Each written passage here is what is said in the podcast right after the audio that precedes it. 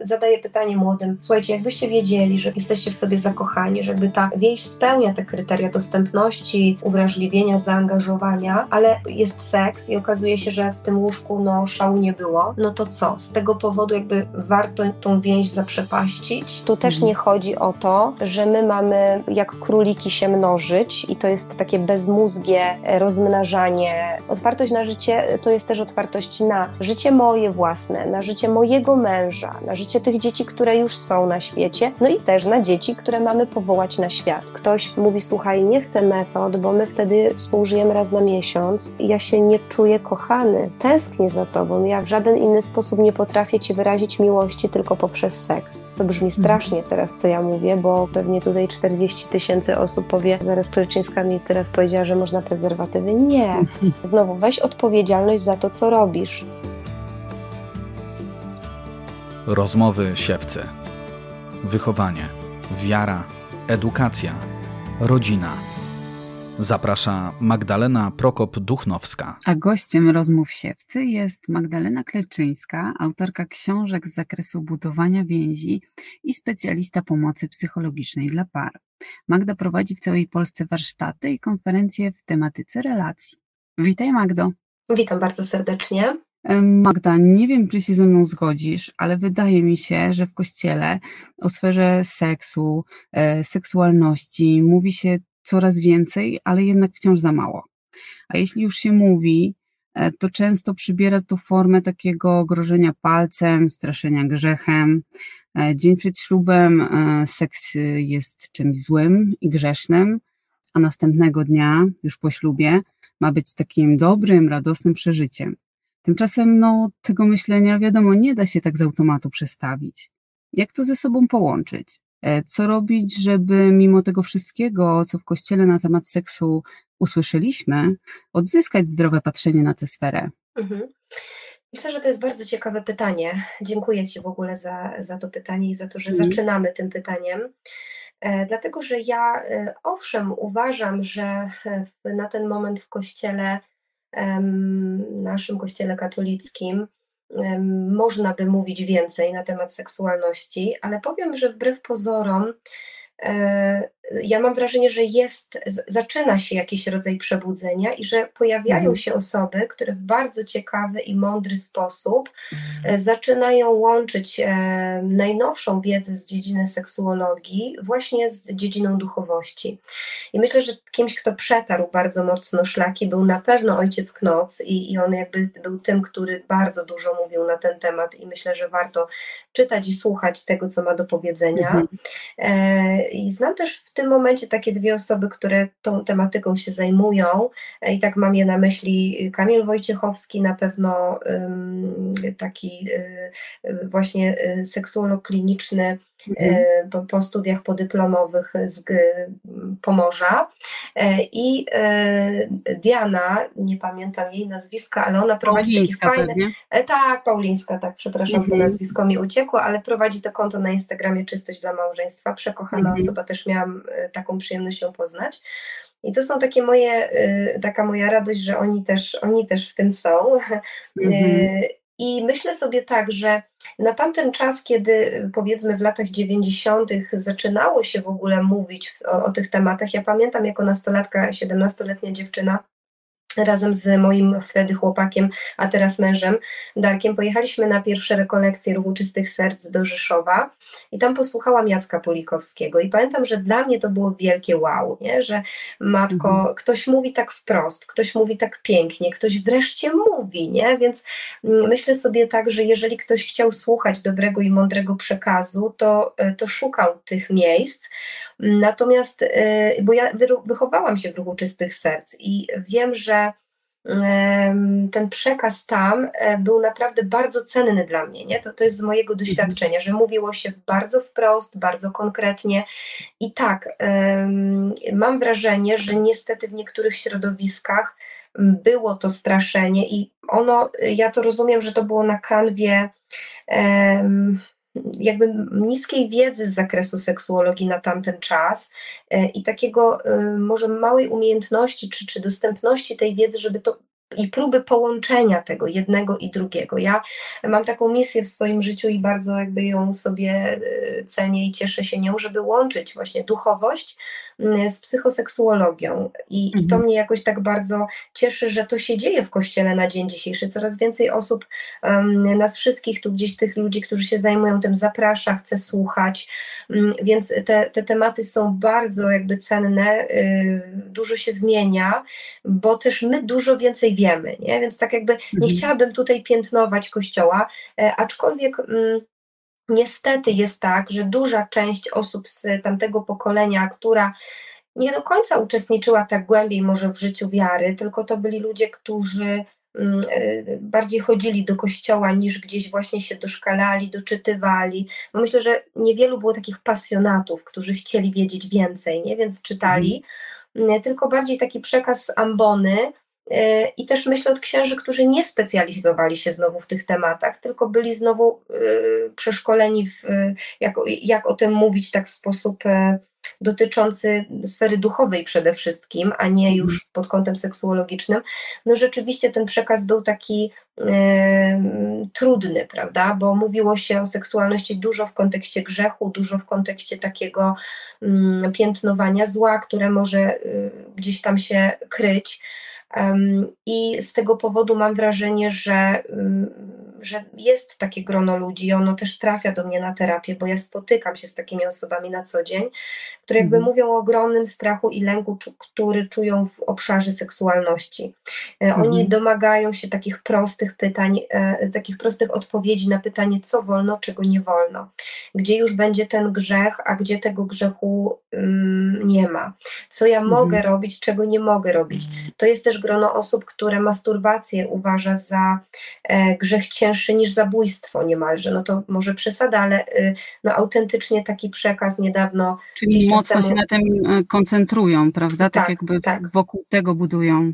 Mhm. Zdecydowanie. I to jest też bardzo trudne, bo e, zauważ, że jeżeli, e, jeżeli w ogóle cała seksualność e, człowieka jest przedstawiana jako coś zagrażającego przed ślubem, to rzeczywiście, tak jak zadałaś w tym pytaniu, no jak my mamy w ciągu jednej godziny zmienić nagle nasze myślenie i przestawić to patrzenie z takiego negatywnego i zagrażającego na to, że nagle to jest sfera piękna, nagle to jest sfera błogosławieństwa, a wcześniej, jeszcze godzinę wcześniej, to była sfera przekleństwa niemalże, prawda? Więc mm, myślę sobie tak, że to jest pokłosie na pewno jakiegoś takiego słabego przekazu, ale też i słabego starania się nas, osób wierzących, o to, żeby wiedzieć więcej. Bo mhm. Y, dlaczego?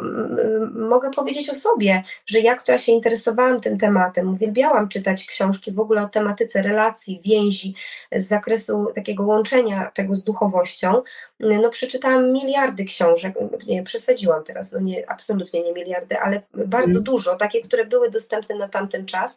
No i myślę sobie tak, że mogę powiedzieć, że to uratowało moje spojrzenie na seksualność, w ogóle na małżeństwo, na budowanie więzi, bo te książki były, tylko no właśnie pytanie, y, kto doczytywał, kto się tym interesował, ktoś może jakiś pasjonat, tak. Mm, druga rzecz, było tego też mm, na tamten czas nie tak bardzo dużo, prawda? E, ale mhm. myślę sobie, e, co jest bardzo ważne i w czym ja dzisiaj widzę szansę, jeśli chodzi o mówienie o seksualności w kościele. Na pewno widzę szansę e, dużo w podejściu osób duchownych, księży, sióstr zakonnych. Wiesz, ja Wróciłam z festiwalu życia tydzień temu i miałam tak dużo niesamowicie ciekawych rozmów z siostrami zakonnymi, księżmi w, tej, w tym obszarze. I oni byli wszyscy bardzo otwarci. Mówili, że oni widzą taką potrzebę, że trzeba o tym mówić. I wszyscy zgodziliśmy się co do tego, że pierwsze, przekaz powinien być autentyczny. Czyli e, najpierw e, my musimy, my, którzy o tym mówimy, musimy tą sferę seksualną e, akceptować u siebie, żyć z nią w zgodzie, mieć poukładane na tyle, na ile jesteśmy w stanie, na tyle, na ile dzisiaj możemy tą, tą sferę seksualną u siebie na podwórku, że tak powiem, u siebie w domu, prawda? Mhm. Wyjść do młodzieży, wyjść do narzeczonych z takim przekazem, przede wszystkim radości, zachwytu nad tą sferą, do młodzieży, powiedzieć, że seksualność jest czymś pięknym, jest czymś dobrym, że mm, ona zawsze jest czymś pięknym i dobrym, a to jak my ją traktujemy, to już my możemy ją zakłamywać, zniekształcać mm, i, i kar, skarłowacieć nam może, jeśli e, przestaniemy ją traktować z należytym jakby takim szacunkiem, miłością i, i otwartością, prawda?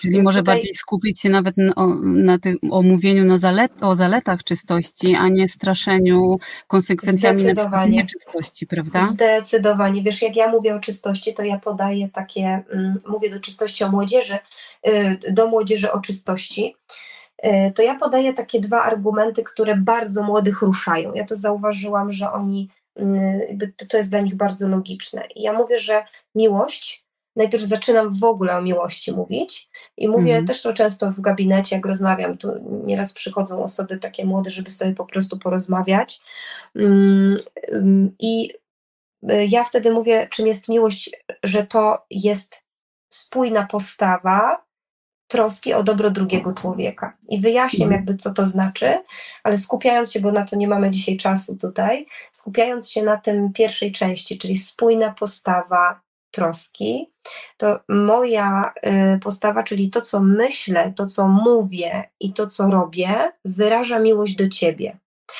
I teraz y, powiedzmy, że mm, w to przed ślubem wchodzi seks. To mhm. ta postawa przestaje być spójna. Dlaczego? Bo to, co y, robię, czyli oddaję ci całe swoje ciało fizycznie, pod kątem takiego przekazu fizycznego miłości, nie mogę ci dać mhm. już nic więcej.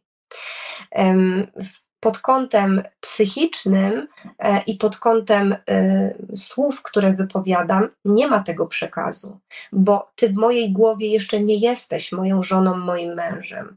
Ty w moj... Mhm. Ja tobie też nie ślubowałam e, swoimi słowami, nie stałam przed ołtarzem i nie mówiłam w obecności kilkudziesięciu osób i Pana Boga przede wszystkim, że mhm. już na zawsze chcę być Tobie wierny, chcę tą miłość budować właśnie z Tobą do końca mojego życia, prawda? Nie wypowiadałam przysięgi małżeńskiej, więc zaczynam zakłamywać miłość.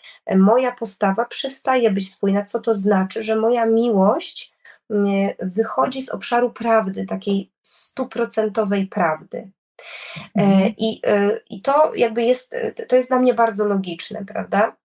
Drugi przekaz że nie da się człowieka sprawdzić, bo też bardzo często jest takie pytanie o tą czystość um, przed ślubem, prawda, że no ale za, dlaczego, po co, każdego mm. trzeba sprawdzić, to jest nielogiczne, nie, musimy wiedzieć jaki pociąg i tak dalej, mamy seksualny i ja mówię, że tego się sprawdzić nie da.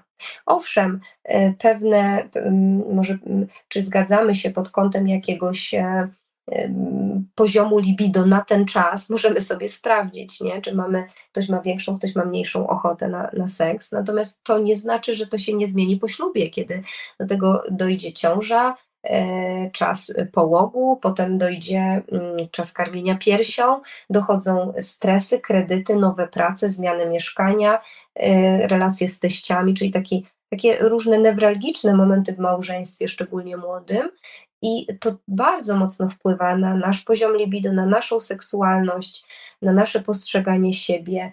I um, ja jestem tego zdania, że nawet jeśli są problemy w obszarze seksualnym, bo zdaję sobie sprawę, że są i czasem też bardzo łatwą wymówką jest czystość, bo ktoś ucieka przed swoją seksualnością bardzo mocno mhm. i znam takie osoby, które przykryły sobie tą ucieczkę tak fajnie tą czystością, nie? że one nie akceptowały swojej seksualności i powiedzenie, wiesz, ja chcę do ślubu w czystości, to takie było mniej rozwojowe, a bardziej takie ucieczkowe. I mhm. myślę sobie, że to też warto wiedzieć, E, i warto się badać, e, dlaczego ja tą czystość w ogóle wybieram. Czy to jest dla mnie coś logicznego i takiego spójnego ze mną, czy to jest e, coś, co mi przykrywa moje lęki. I przyglądam się motywom. Mhm. Dokładnie. Cały czas to jest coś takiego, że ja muszę się kierować tą miłością i postawą troski o dobro drugiego człowieka. Mm, a, a myślę sobie, że, te, że nawet jeśli są problemy, wracając do tego wątku, jeżeli małżeństwo ma silną więź, jeżeli e, oparte jest o przyjaźń z, między sobą i z Chrystusem, to z najtrudniejszych problemów jesteśmy w stanie wyjść, z najtrudniejszych takich wyzwań w naszym małżeństwie, kryzysów, jeżeli jesteśmy w tym silni,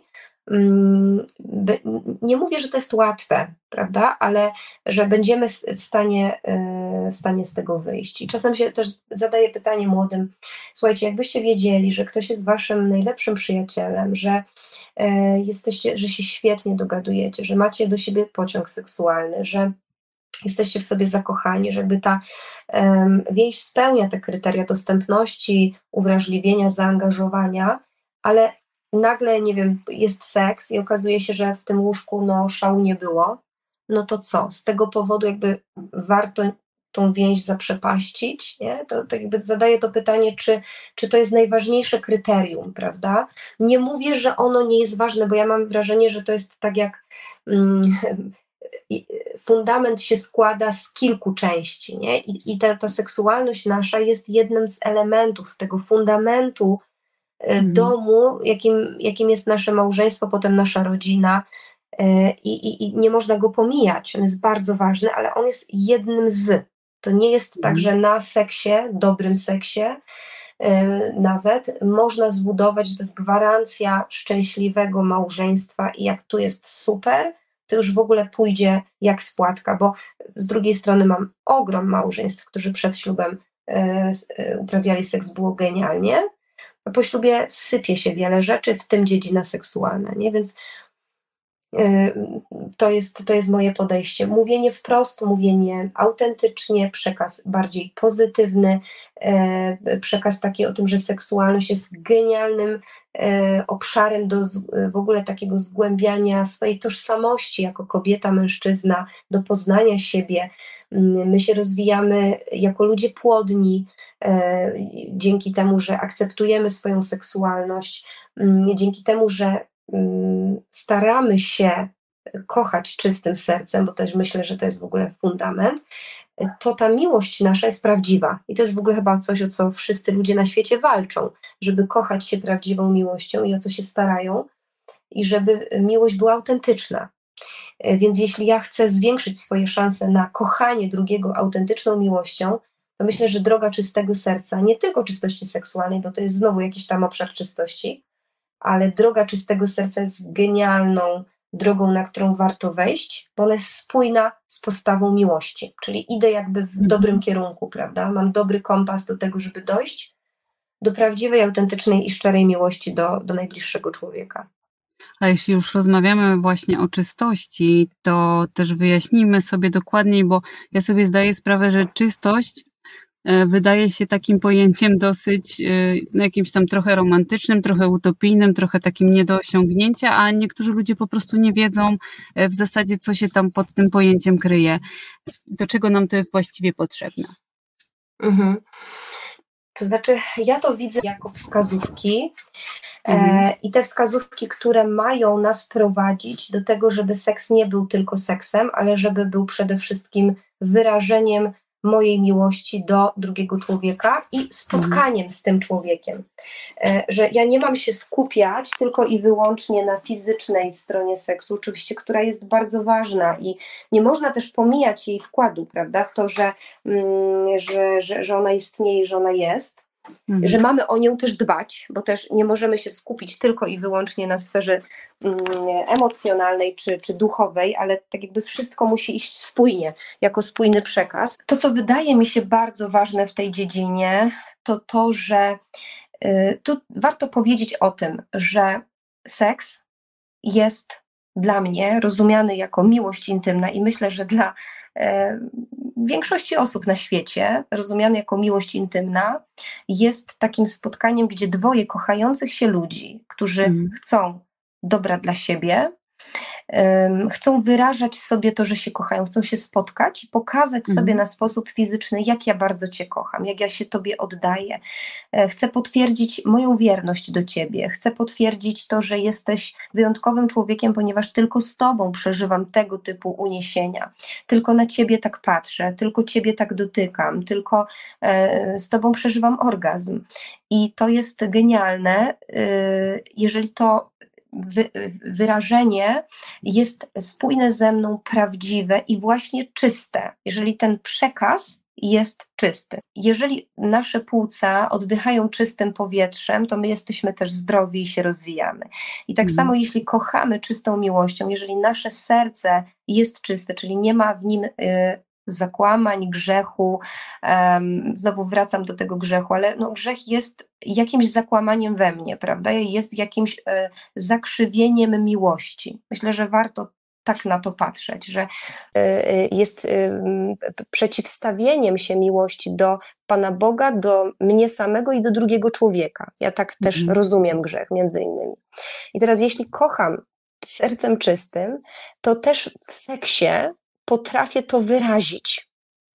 E, I te wskazówki, które są w kościele, czyli na przykład, e, żeby pamiętać o, o, godności drugiego człowieka, że bardzo ważne jest to, że e, w trakcie seksualnych uniesień w małżeństwie warto zadbać o, o to, żeby jedna i druga osoba czuła się szanowana, żeby nie przekraczać granic ani męża, ani żony żeby mhm. potrafić przyjąć odmowę i odmówić z miłością, żeby potrafić w trakcie e, naszego współżycia seksualnego powiedzieć, co mi się podoba, e, a jeżeli druga osoba mówi, słuchaj, dla mnie to za dużo, to nie iść w to na siłę. Żeby, y, no to, to jest wszystko y, szanowanie godności, prawda? Ja nie poniżam ciebie, nie zmuszam ciebie do niczego, nie nakłaniam cię do czegoś, na co nie masz ochoty. E, mhm. I i również wobec siebie tego nie robię, prawda? To jest też bardzo mm. ważne, czyli szanowanie swojej godności, bo czasem jest tak, że my się, e, my się zgadzamy na pewne rzeczy, na które nie mamy ochoty, żeby druga osoba, nie wiem, może mąż albo żona, żeby nie było kłótni, żeby nie było jakiegoś um, sytuacji jakiejś takiej, która nas... Mm. Dokładnie, żeby nie było obrażania, żeby fochów, nie było cichych dni, to ja już to okej okay, zrobię. Ale to też nie jest szanowanie swojej godności, nie? Bo ja czuję w sercu, że to już jest za dużo dla mnie, że ja się zmuszam, że ja się bardziej czuję jak um, ktoś wykorzystany, a nie ktoś mhm. szanowany. No, mhm. Czy nie jest to mądry, e, mądre podejście? E, druga rzecz, myślę sobie o, o, takim, o takiej przestrzeni otwartości na życie, o której mówi Kościół. Że tu też mhm. nie chodzi o to, że my mamy mm, jakby jak króliki się mnożyć i to jest takie bezmózgie e, rozmnażanie jak największej posiadanie ilości dzieci, ale że to jest takie podejście bardzo terapeutyczne, że ja mam rozeznawać w swoim sercu mm, i patrzeć na swoje wnętrze, e, jak ta moja postawa otwartości na życie jest spójna z moją seksualnością, na ile seksualność we mnie rozwija tą postawę. I Kościół bardzo chce, żeby seksualność służyła postawie otwartości. To jest w ogóle uważam, że super sprawa, dlatego że otwartość na życie to jest też otwartość na życie moje własne, na życie mojego męża, na życie tych dzieci, które już są na świecie, no i też na dzieci, które tak na równi tak naprawdę, na, mhm. na życie dzieci, które mamy powołać na świat. I my tu rozeznajemy, rozeznajemy z Bogiem i ze sobą jako ludzie, którzy mają dobrze ukształtowane sumienie, na ile nas stać w tej otwartości nie pod kątem finansowym, choć też, ale ile ja mogę z siebie dać, e, gdzie ja mam jakiś egoizm, e, który na przykład sprawia, że ja wolę sobie, nie wiem, e, żyć wygodnie i miło i przyjemnie, bo nienawidzę wstawać w nocy do dzieci, więc z tego rezygnuję. Co mi to daje, a co mi to zabiera? Nie?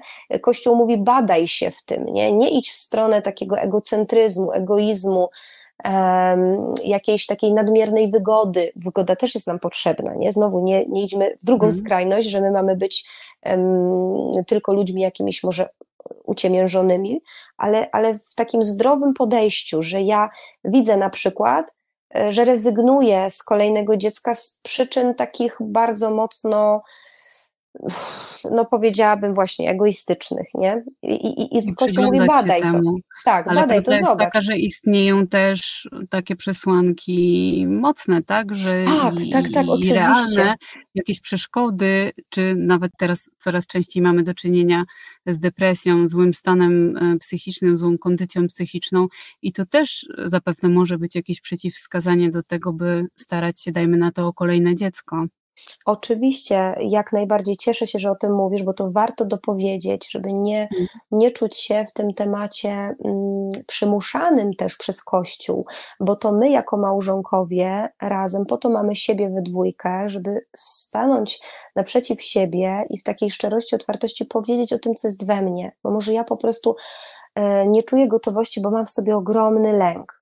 I znowu nie chodzi o to, żeby ten lęk zakopać, ale też odczytać jego przekaz, dlaczego ten lęk jest, co on o mnie mówi, o czym on świadczy, nim się trzeba zająć. Mm, I druga osoba jest mi potrzebna e, jako taki najlepszy przyjaciel, który, który w tym ze mną jest, który mi będzie w tym towarzyszył. I nad tym wszystkim jest Bóg, który też chce nam e, pobłogosławić w tej sytuacji, nawet trudnej, w której jesteśmy. On chce przyjść ze swoim błogosławieństwem i powiedzieć: Ja Wam pomogę. Wy nie musicie być idealni na tu i teraz. E, Ja Wam pomogę przez to przejść. Zaufajcie mi, czyli bądźcie ze mną, bądźcie blisko mnie, nie uciekajcie, nie rozumiejąc pewnych rzeczy, ale pozwólcie mi siebie poprowadzić. Wiesz, ostatnio byłam do takiej genialnej spowiedzi, chyba najlepsza spowiedź z moj, e, mojego życia, właśnie w Kokotku na Festiwalu Życia i między innymi tam e, usłyszałam od księdza takie zdanie. Pytałaś o to Jezusa, Mhm. a ja mówię, hmm, chyba już dawno nie. To Mhm. zapytaj jego, jak on to widzi. I to było takie mocne dla mnie. Wiesz, to tak naprawdę cała spowiedź to była, były te dwa zdania. W ale to zasadzie sobie pierwsze, co zapamię- powinniśmy robić, to pytać Jezusa, Dokładnie. nie? Dokładnie, ale my częściej, wiesz, my musimy wiedzieć, nie? My musimy mieć pewność, my musimy Mm. kontrolować, my mamy takie skłonności do tego, żeby, tak jak mówiłaś na początku, prawda, było czarno-białe i żeby było albo dobre, albo złe. A czasem Mhm. no też e, jest trudne i nie można powiedzieć jednoznacznie, co na ten moment jest dobre albo złe-. Ja mam swoim ukształtowanym dobrze sumieniem, razem z moim mężem, z Bogiem i najlepiej z kimś, kto jest e, tutaj e, kierownikiem duchowym, może jakimś takim mądrym doradcą rodzinnym, może mi też potowarzyszyć e, w, w tym temacie. I to, to mi się wydaje takie bardzo spójne i logiczne, jeśli chodzi o te drogowskazy Kościoła, prawda? I trzecia rzecz to jest płodność, czyli Kościół mówi godność, czy y, otwartość i płodność, takie trzy elementy, które Mhm. najczęściej dyskutujemy w kontekście tego, że się wtrąca, prawda? Mhm. E, I myślę sobie, że płodność jest kolejnym obszarem, który jest wielką siłą i którego nie warto wykluczać z naszego życia seksualnego i traktować go jak choroby. Bo my bardzo często się tej płodności strasznie boimy. I Właśnie mogę kon- tutaj zrobić przerwę Proszę, na cytat proszę. z twojej książki.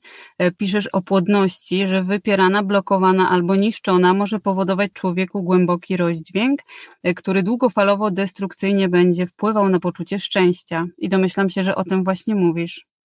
Tak, dokładnie o to mi chodzi, że mm, płodność to nie tylko nasza zdolność do posiadania potomstwa, ale płodność to też nasza zdolność do takiego bycia człowiekiem kreatywnym, który daje siebie innym, który rodzi dobro.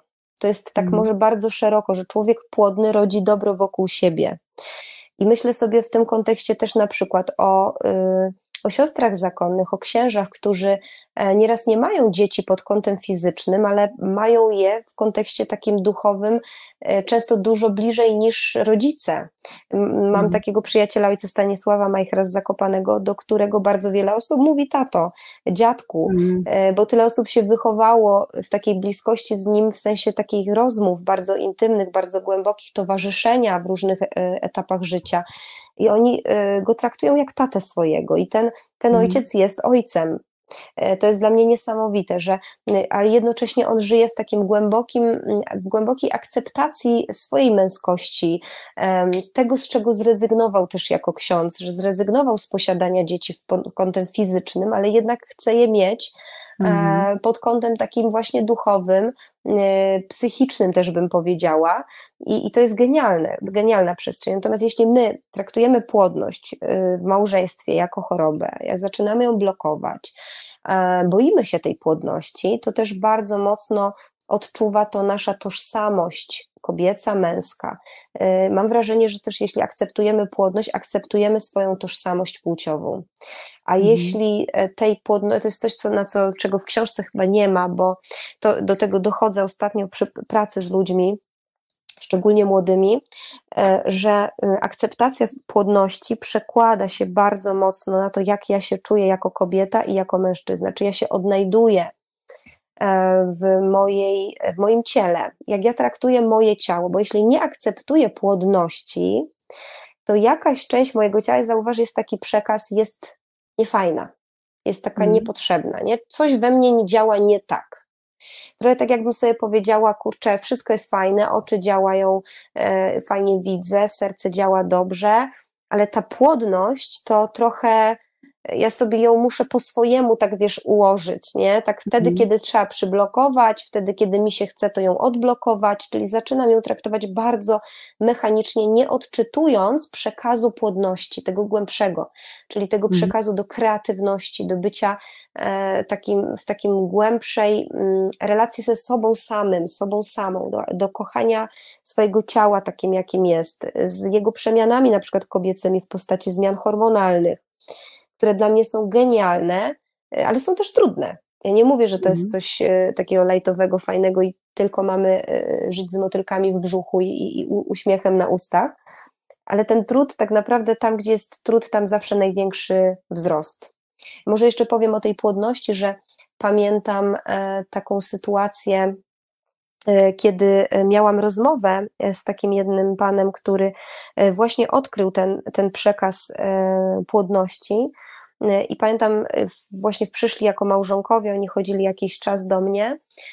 I e, on mówi tak, że w momencie, kiedy mm, oni przez długi czas stosowali prezerwatywy i w ogóle się nie mhm. zajmowali tym tematem płodności. I my mm. przyszli do mnie w zupełnie jakby innej tematyce, chodziło tam o komunikację, ale e, dużo pracowaliśmy też w kontekście komunikacji takiej intymnej, w komunikacji, e, którą mają między sobą w trakcie zbliżeń e, seksualnych. I on e, wtedy zaczęliśmy rozmawiać o metodach, zaczęliśmy rozmawiać o prezerwatywach, o tabletkach, jakby o ich podejściu do, do antykoncepcji. I w pewnej chwili on mówi, pamiętam te słowa jego, ja nigdy na to tak nie patrzyłem.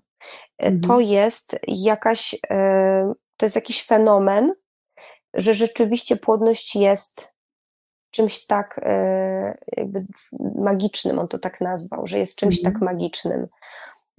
I opowiedział wtedy o takiej historii, którą oni mieli w małżeństwie, że on w pewnej chwili zachorował na nowotwór jądra. I była taka sytuacja, że wycięli mu jedno jądro, i on mówi, że to, co dla niego, on teraz to połączył jakby na terapię, mówi, to było straszne dla mnie, że jakby stałem się kaleką w jakimś stopniu, że e, owszem, lekarz mi powiedział, że są tam jakieś jeszcze szanse na to, że będziemy mieć dziecko z żoną, ale ja się czułem ciągle taki upośledzony gdzieś wewnętrznie. I teraz rozumiem, o czym ty mówisz, że ta płodność jest czymś bardzo, bardzo cennym, bo ja tego doświadczyłam właśnie wtedy, kiedy tak trochę mhm. częściowo ta moja płodność została upośledzona. Wtedy mi było żal i pomyślałem sobie, po co te wszystkie prezerwatywy, po co te wszystkie blokady, po co to wszystko? Ja teraz bym chciał być wolny, on to tak fajnie określił, nie? Chciałbym w tym mm. temacie być wolny. I jakby od tego też się zaczęła ich terapia, bo takie duże kryzysy przeżywali w tym temacie Mm, potem seksualnym i, i, i y, tutaj się zaczęła komunikacja sypać bardzo mocno między nimi. Ta komunikacja była przyczyną, że przyszli, a dokopaliśmy się do, do, mhm. do takiego głębszego sedna, którym było właśnie i myślę, że przyczyną tego seksualne. braku dobrej komunikacji było właśnie stosowanie antykoncepcji? Czy to jakoś czy tak nie powiązane? Chciałabym tak jedno, zero-jedynkowo mhm. mówić, wiesz, bo to też jest takie mm, nie lubię tak powiedzieć, że jest taka i taka tutaj przyczyna. Mhm. Zawsze to jest powiązane, to jest zawsze sieć powiązań. Natomiast mhm. myślę, że kamieniem milowym była ta antykoncepcja, że to był jakby jeden z obszarów, który jak przerobiliśmy, jak oni mm, dotknęli tego tematu w takiej prawdzie ze sobą, to też co jest niesamowite, e, ona odkryła mocno taką radość kobiecości. Ona się zaczęła E, poczuła, że jest akceptowana przez męża ze swoją płodnością, mhm. E, to zaczęła ubierać więcej takich kobiecych ubrań, zmieniła fryzurę. Ona tak jakby poczuła taki, powiedziałabym, powiew kobiecości w sobie, mhm. stała się taka wyciszona, bardziej relacyjna, Dlaczego? Poczuła się cała chciana, Przyjęta cała, taka, nie? cała Właśnie dobra. z tą Tak. Mm. dokładnie, że, że, że ona nie musi, że mąż się nie musi przed nią blokować w jakiś sposób. Wiesz, mm, to jest też trudny temat antykoncepcji, dlatego że ja zdaję sobie sprawę z tego, że są małżeństwa, które mm, no są w, takim ogromnej jakby wyzwaniu tutaj, dlatego że metody e, w jakiś sposób są dla nich trudne, są nieregularne cykle, jakieś choroby. mm, I nie chcę umniejszać problemom tych małżeństw. Natomiast myślę sobie tak, że warto zawsze na to patrzeć jako na wyzwanie, a nie jako na coś, co mamy natychmiast rozwiązać. To Mhm. jest jakaś nasza droga. E, Ja to w książce też porównuję do takiego spaceru w górach, czy może spacer to jest takie zbyt lajtowe określenie, ale Mhm. że to jest wspinaczka górska, Wspinaczka. nie? Mhm. I tam właśnie określam to tak, że, że my decydując się na życie w zgodzie z pewnymi wytycznymi e, Kościoła, my mówimy, że nas nie satysfakcjonuje siedzenie na krupówkach, tylko my chcemy iść na Giewont. I chcemy oglądać widoki ze szczytu, my chcemy tych przeżyć, które są e, trochę ponad e, takie zwykłe, przyjemne życie. Ale żeby do, dojść do tego szczytu, no to każdy z nas ma inne warunki, pochodzi z innego domu, ma inną przeszłość i też w innych warunkach zdobywa ten szczyt, bo jedni z nas e, idą i mają super pogodę i, i warunki pogodowe i takie zewnętrzne, e, fizyczne im sprzyjają, a inni będą szli w burzy, albo będą szli ze złamaną nogą, albo z jakimś rodzajem e, trudu jeszcze, który, który jest dodatkowy.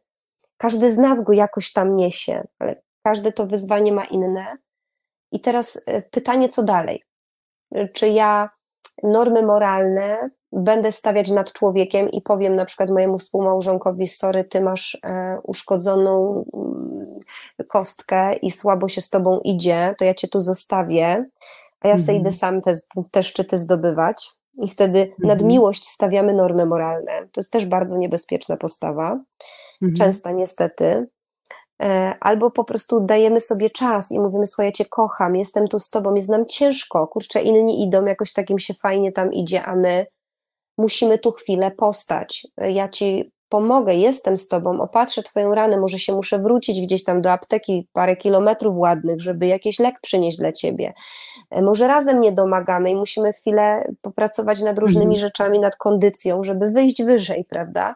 To jest taka przenośnia, która mnie się osobiście bardzo podoba, bo, mm, bo też nie, nie patologizuje nikogo i nie pokazuje, że ci są dobrzy, czy ci są źli, tylko, e, tylko każdy z nas ma inne warunki, ale też nie rezygnujmy po pierwsze ze szczytu, e, po drugie nie oceniajmy się nawzajem, a po trzecie, e, nawet jeśli jest trudno, to nie skupiajmy się na tym, co trudne, tylko w tym, co Mhm. trudne, kochajmy się tak, jak możemy najlepiej i wtedy te rozwiązania e, znajdują się.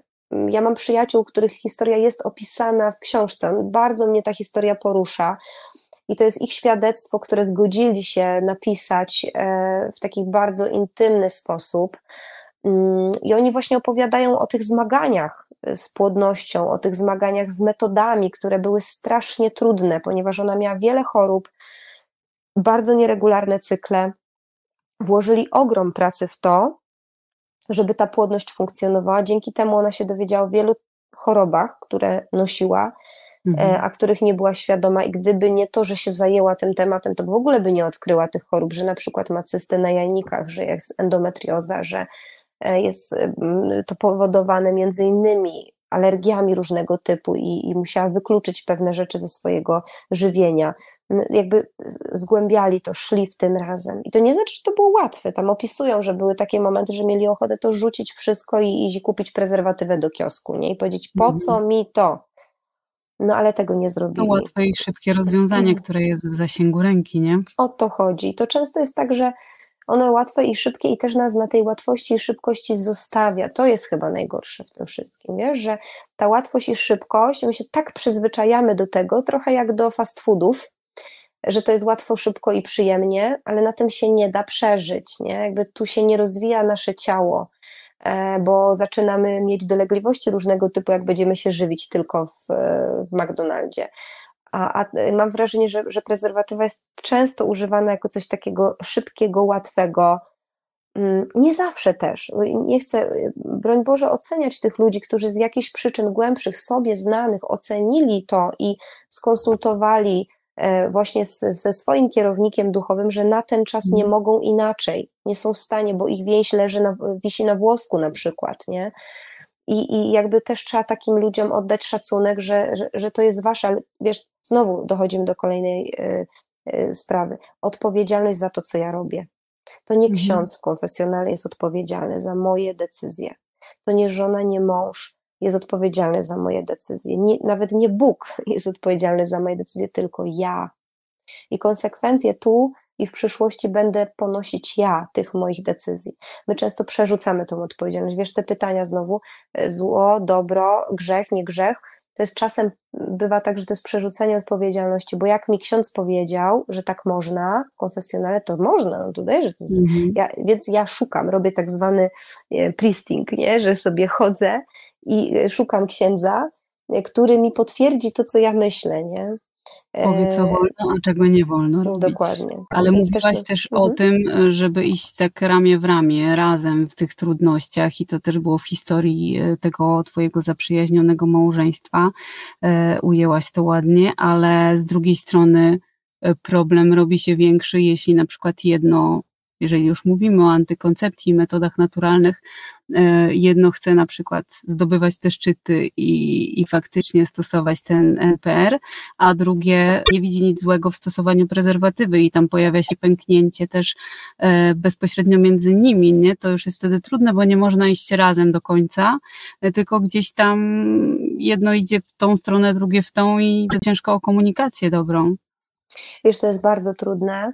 E, natomiast zawsze mówię wtedy ludziom, że relacja oparta o wymagania, że ja kogoś zmuszam do czegoś i wymagam od niego, żeby był taki, jak ja chcę, mm, ona nie prowadzi do rozwoju miłości. Mhm. Ona prowadzi do rozpadu i do rozwodu w konsekwencji, jeżeli ja tylko tak buduję relację z drugim człowiekiem. Więc e, ci ludzie y, muszą przejść e, taką y, przemianę, nawet nie w kontekście wiesz, nieraz y, antykoncepcji, ale w ogóle w kontekście spotkania się ze sobą, żeby zaczęli budować relację opartą o bezinteresowną miłość. Mhm. I wtedy moja miłość bezinteresowna do ciebie ma moc, um, za, jakby ona jest takim zaproszeniem ciebie do pewnych zmian. Ona jest e, taką inspiracją, ona, ona ci ma dać e, takie poczucie bezpieczeństwa, że ja Cię kocham z wszystkim, co w sobie masz, chcę iść z Tobą. Spróbujmy szukać rozwiązań takich, które służą naszej miłości, czyli znowu powtórzę, spójnej postawie troski o dobro drugiego człowieka. Mhm. Jeżeli e, Twoje rozwiązanie, stoimy w prawie, ja wiem, że to brzmi bardzo enigmatycznie, może dla niektórych, albo wyidealizowanie, ale ja tak pracuję z ludźmi w gabinecie, E, i wtedy pracujemy na konkretnym organizmie nie? I, i, i pracujemy na ich życiu, na ich sytuacjach, na ich rozmowach. E, to zupełnie inaczej brzmi, bo wtedy rozkładamy na czynniki pierwsze to, co w danym małżeństwie mm, tutaj jakby przedstawiam w taki ogólnikowy sposób, prawda? A w danym małżeństwie to są te szczegóły, które czynią różnicę. Mhm. E, I, i, I mówię wtedy, słuchajcie, y, zawsze niech wyznacznikiem będzie wzrost waszej miłości. I szukajcie takiej współpracy, tu nie chodzi o kompromis, bo znowu relacja oparta o kompromis też nie rozwija miłości. Rozwija miłość tylko współpraca, czyli my mamy usiąść nad tym i zastanowić się, co będzie służące, czy Twoje E, patrzenie, czy moje, co, dlaczego to jest dla ciebie takie ważne, co w tym się kryje, bo bardzo często tam jest dużo głębsza przyczyna. Na przykład ktoś mówi, słuchaj, nie chcę metod, bo my wtedy y, współżyjemy raz na miesiąc y, mhm. albo dwa razy w miesiącu i ja się nie czuję kochany. Ja po prostu nasza, ja tęsknię za tobą. Ja w, w żaden inny sposób nie potrafię ci wyrazić miłości tylko poprzez seks. No i właśnie tutaj mhm. znowu dochodzimy ok, to czy my możemy e, okazywać sobie tą miłość w inny sposób? E, czy w takim razie jeszcze założymy tą prezerwatywę i będziemy współżyć częściej, e, to dla ciebie to będzie wzrost miłości. no to wejdźmy w to i zobaczmy. To brzmi Mhm. strasznie teraz, co ja mówię, bo powiem pewnie tutaj 40 tysięcy osób powie, mm, zaraz Kleczyńska mi teraz powiedziała, że można prezerwatywy. Nie, absolutnie nie. Znowu, weź odpowiedzialność za to, co robisz i badaj to, o czym decydujesz. Czy ci to służy, czy nie służy. Ja w swoim e, przekonaniu e, widzę, że prezerwatywa jest prostym, szybkim rozwiązaniem, które na dłuższą metę nie służy rozwojowi tej miłości. Natomiast y, mm, ty masz badać jako ty w swoim rozwiniętym sumieniu z mężem i Bogiem i człowiekiem trzecim w postaci mądrego e, towarzysza na tej drodze, który też duchowo jest rozwinięty. Czy to będzie ksiądz, czy to będzie, tak jak mówiłam wcześniej, mądry jakiś doradca rodzinny, który może tutaj e, być takim kimś, kto, kto, kto będzie towarzyszył.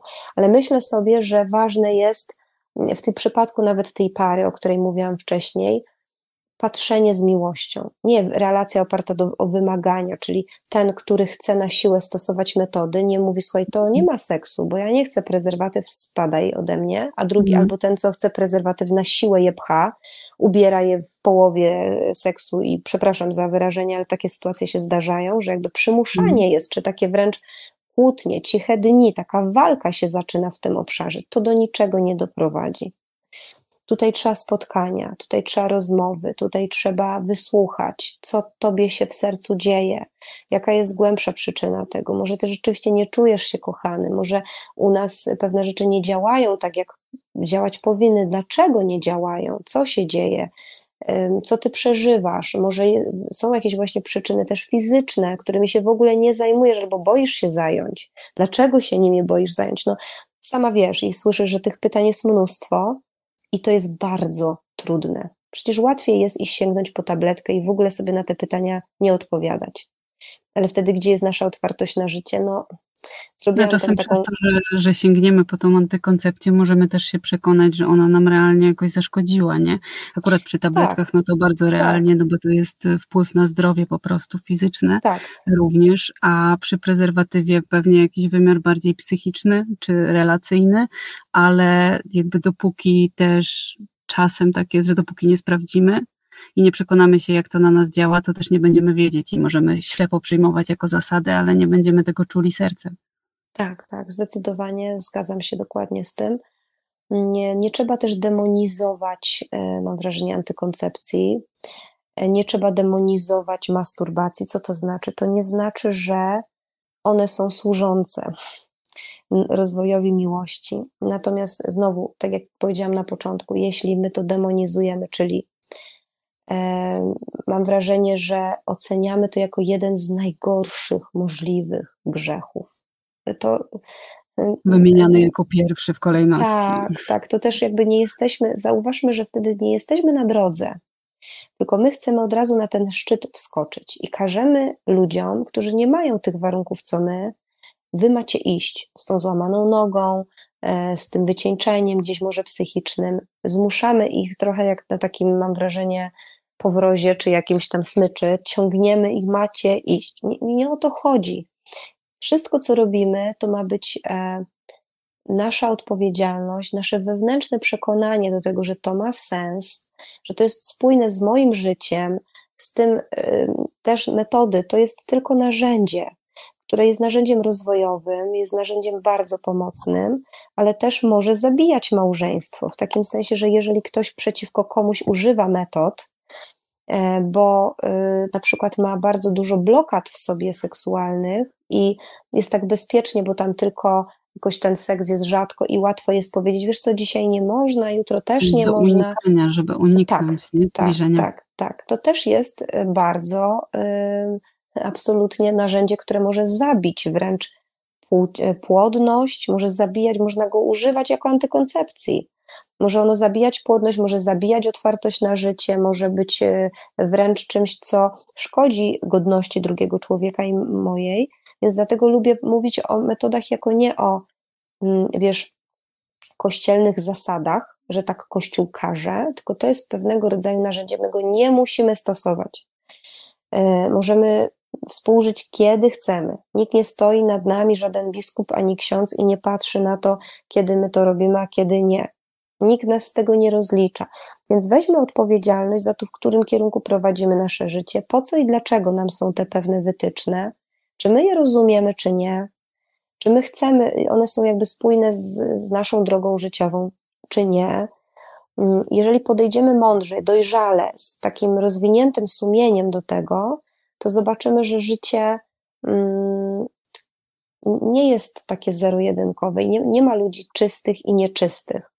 Że każdy z nas gdzieś na tej drodze przeżywa swoje różnego rodzaju trudności i to jest piękne, dobre. I jeśli jest tam Bóg, jest tam miłość do drugiego człowieka, to jestem pewna, że zdobędziemy szczyt. A jeśli zaczyna być krytyka, pogarda, obwinianie, E, jakieś obojętność wobec drugiego człowieka, przemoc, agresja e, różnego rodzaju, no to, to nie ma szans. Nie? To, to choćbyśmy nawet przepięknie ubierali to w słowa, to, to nasza miłość umrze w pewnej chwili. Choć te kryzysy mogą nas na ten szczyt też w konsekwencji zaprowadzić, prawda? No bo e, jak jest kryzys, to możemy z tego coś dobrego wyciągnąć, chociażby zdecydować się na terapię, coś ze swoim małżeństwem zrobić. Oczywiście, zdecydowanie. Ja zawsze jestem po interwencji kryzysowej, skończyłam studia w tym zakresie podyplomowe i jakby bardzo odpowiada mi e, też typ takiej pracy mm, takiej interwencyjnej, czyli nie typowo terapeutyczne spotkania jakieś dłuższe, tylko po prostu pomoc na tu i teraz w danej mhm. mm, dziedzinie. I powiem szczerze, że widzę bardzo często i jestem świadkiem sytuacji, w których małżonkowie po kryzysie y, są bliżej siebie niż przed. Znaczy, oni po prostu mm, mają takie głębsze patrzenie na rzeczywistość, y, bardziej wrażliwi są na cierpienie swoje i drugiego człowieka, często uczą się wrażliwości, nie oceniają tak szybko innych, bo jeśli ty przejdziesz pewną trudność, jeżeli doświadczysz w swoim małżeństwie takiego upadku, to potem na małżeństwa, które mają konflikty, już nie patrzysz na zasadzie, o, ci to się nie potrafią dogadać, to tak, co są słabi jakoś w tej miłości, tylko sobie mm. myślisz, biedni, kochani ludzie, modlę się za nich, bo też kiedyś tam byłem, też kiedyś tam byłam. W książce też dużo e, piszesz na temat e, takiego wyższego poziomu właśnie tej miłości intymnej, że to jest coś takiego pięknego. I to znowu jest kwestia, która się wydaje dosyć taka utopijna i nie do osiągnięcia dla e, zwykłego, przeciętnego człowieka. E, no ale z tej książki wybrzmiewa, że tak się da e, i że warto o to zawalczyć, tylko pytanie jak? Hmm, e, ja to w ogóle czwarty rozdział w mojej książce to jest e, mój ukochany rozdział i często jak mam możliwość E, z, powiedzieć małżonkom, od czego zacząć, to mówię, żeby zaczęli od czwórki, bo tam jest właśnie taki szereg e, podpowiedzi, e, jak trochę głębiej patrzeć na tą sferę seksualną, jak nie mhm. traktować sfery seksualnej tylko i wyłącznie jako seksu ograniczonego, czyli skupiającego się tylko i wyłącznie na orgazmie, jako seksu pocieszającego, czyli skupiającego się na tym, że ja mam z tego mieć jakąś korzyść w postaci e, takich benefitów psychicznych, że ja się lepiej czuję, że ja się czuję dowartościowany, dowartościowana, że ja jestem przez kogoś upragniony, e, że jestem przystojny, czy, czy, czy jestem piękna, bo ktoś mnie chciał pod kątem fizycznym.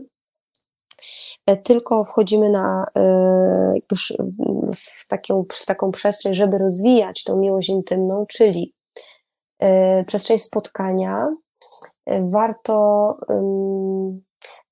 tam daję, daję takich kilka wytycznych. Moim ulubionym i takim ukochanym narzędziem, które też stosuję w terapii, jest między innymi głębokie przytulanie. Mhm. Ja to opisuję dokładnie w książce, natomiast generalnie to narzędzie polega na tym, że małżonkowie na początku zalecam to raz w tygodniu, przez 15 minut, stojąc naprzeciwko siebie, e, przytulają się.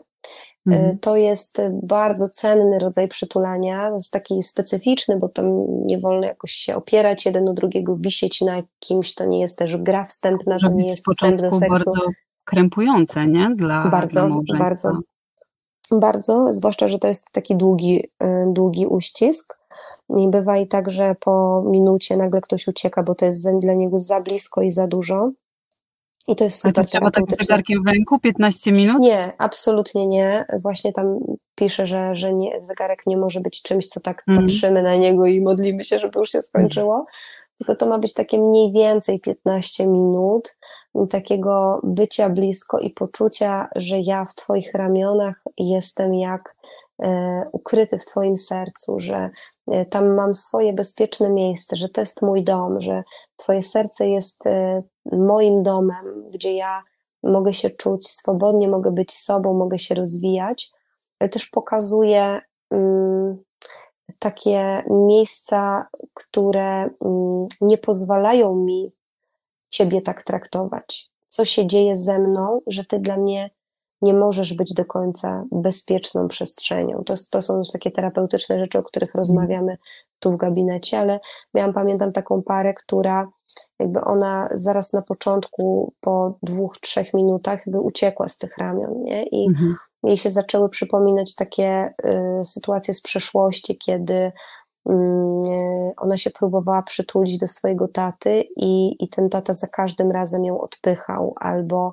mhm. był zajęty innymi rzeczami, że on bardzo unikał tej bliskości. Ona się nauczyła w inny sposób o tą, e, tą bliskość zaspokajać sobie w sensie z tatą, że, że tam szukała jego uwagi, ale e, tyle razy gdzieś tam to, to jej przytulenie było odepchnięte, że w momencie, kiedy spotkała się z ramionami kochanego męża tak długo, to jej się przypomniało to, co było takie trudne w tej relacji z tatą. I nagle musiała uciec, bo to było tak bolesne i tak niesamowicie mm, jakby dla niej traumatyczne wspomnienie. No i też to, to znowu jakby to było niesamowite, że to odkryła i też potem zobaczyła, jak dużo w relacji z tatą ma jeszcze do przepracowania, jak dużo rzeczy mhm. musi wybaczyć, jak dużo musi się zaopiekować tą dziewczynką, którą spotkała i, i który, który, z której wydarzenie się jej tam przypomniało. Ale innym narzędziem jest na przykład ćwiczenie swojej uważności, e, jest rozwój zmysłów, e, po to, żeby nasze zmysły działały w sposób taki bardzo rozwinięty w trakcie stosunku seksualnego z naszym współmałżonkiem, czyli żeby e, w pełni e, doświadczać smaku, zapachu, e, dotyku, żeby każdy z tych zmysłów jakby czuł swoje 100%. Opisuje Czyli możemy ćwiczyć koncentrację. Tak, też taka koncentracja jest bardzo ważna. Bardzo fajne ćwiczenie to jest jakby mm, włączanie, włączanie tylko jednego z tych zmysłów, nie? że dajmy na to dzisiaj się Mm, będziemy tylko zamkniętymi oczami dotykać. Nie? I ja się mhm. skupiam na tym dotyku. Mm, albo będziemy w jakiś sposób rozwijać e, smak, czyli się całujemy y, i, i skupiamy się na tym pocałunku, żeby ten pocałunek był taki intensywny, żeby był taki namiętny, pełen mojej obecności, żeby nie uciekać przed tym. I to są najróżniejsze tam sposoby opisane.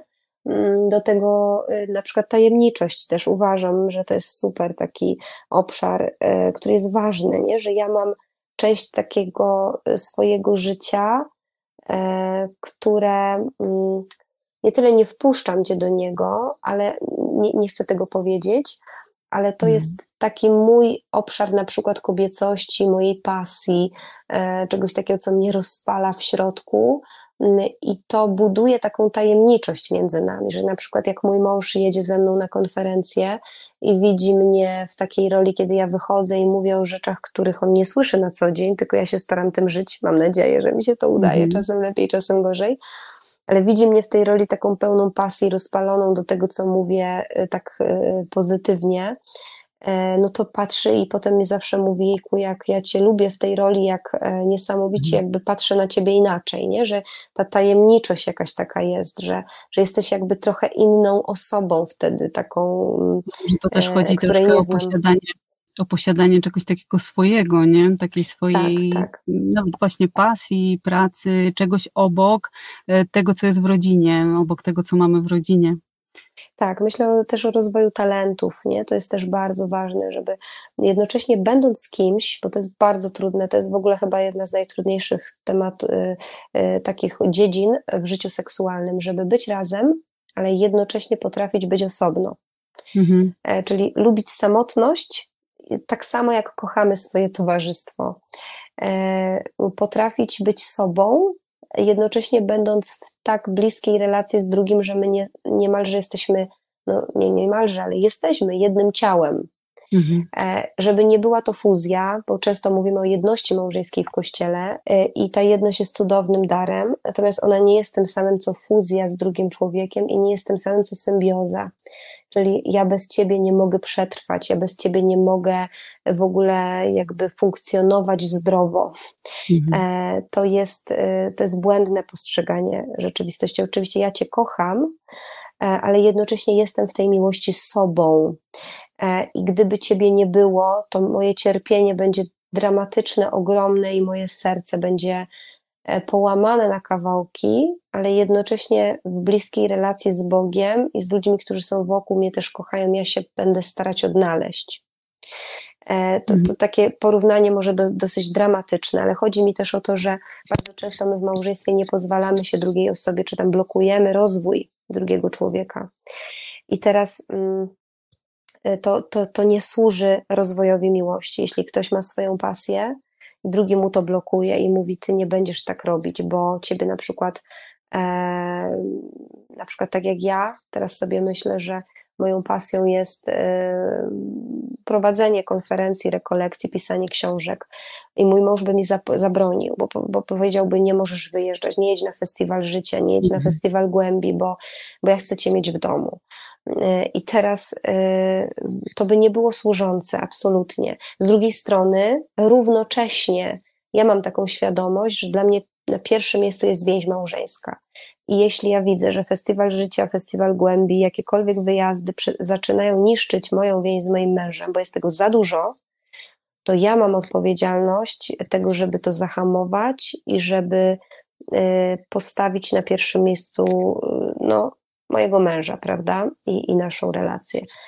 A, y, a mój mąż też mi może to powiedzieć: Słuchaj, za dużo ja cię potrzebuję w domu, brakuje mi ciebie, Mm, I to jest też zdrowe, nie? czyli jakby jednocześnie rozwój osobisty, stawiając na pierwszym miejscu moją więź małżeńską. Nie? Y, ja sobie to tak wyobrażam, że my gramy do jednej bramki i jesteśmy członkami tej samej drużyny.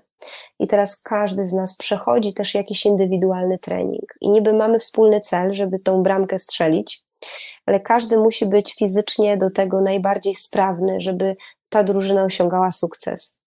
I żeby to robić, trzeba też pozwolić każdemu na ten indywidualny trening. Trenujemy razem, ale też są momenty, kiedy się rozdzielamy i każdy potrzebuje trochę innych bodźców do tego, żeby, mm, żeby siebie rozwinąć. Tym bardziej, że w przeciwnym razie możemy zacząć chcieć drugą osobę do siebie naginać, co też jest niebezpieczne, nie? Bo jeżeli tak. No, to jest to na pewno takie zagrożenie, że skoro jesteśmy jednością, to będziesz taki jak ja. E, dokładnie, dokładnie. I teraz ktoś chce kogoś na swój taki, na swoją modłę tak kogoś rzeźbić, prawda? Na przykład mnie odpowiada tylko siedzenie w domu, no to ty też masz siedzieć w domu. E, mhm. Mnie, ja, mnie wystarcza zupełnie życie rodzinne, ja nie mam pasji, to ty też jej nie możesz mieć.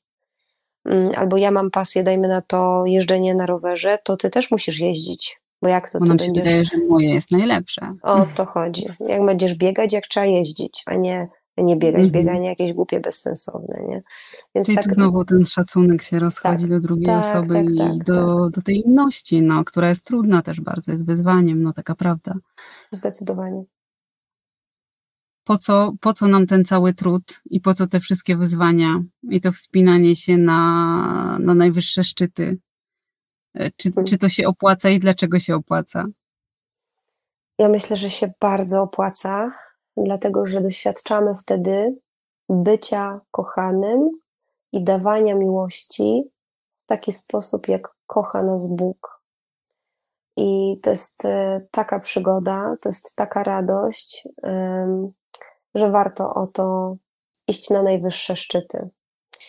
Każdy z nas chce być kochany. Nie ma takiego człowieka na ziemi, który nie pragnąłby miłości. Każdy też chce, żeby ta miłość była tą prawdziwą, żeby ona była niezakłamana, żeby ona była wierna, żeby była wieczna. Mhm. I myślę sobie, że te wszystkie wskazówki są po to, żeby taką miłość mieć już tu na ziemi.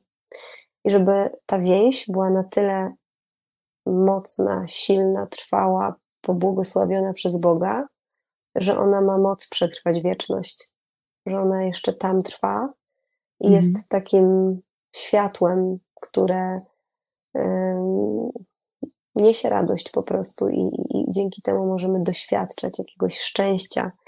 I inni też to widzą, czują, inni też się tym inspirują, bo ta miłość się niesie, ją widać, ona zaraża, ona w pewien sposób motywuje do tego, żeby podobnie żyć. Więc warto o taką miłość, Zobacz. myślę, się postarać, tak. Warto wejść Mhm. na tą drogę po to, żeby, żeby, żeby ją mieć, być jej uczestnikiem. Myślę, że to jest piękne podsumowanie tej rozmowy. Dziękuję Ci bardzo za Twój czas, y, za tą rozmowę. Ja też bardzo dziękuję za zaproszenie, za zaufanie e, i mam nadzieję dobrego słuchania dla wszystkich, którzy dotarli do końca. Bardzo dziękuję za, za wytrwałość, za cierpliwość i, i mam nadzieję, że to będzie z korzyścią dla każdego słuchacza. Pozdrawiam bardzo serdecznie. Rozmowy Siewcy i inne nasze podcasty są dostępne na naszym portalu siewca.pl, na naszym kanale na YouTube oraz w serwisach podcastowych, m.in. Spotify i Apple Podcasts. Zapraszamy Cię do subskrybowania naszych treści, by niosły się one jak najszerzej. Do usłyszenia.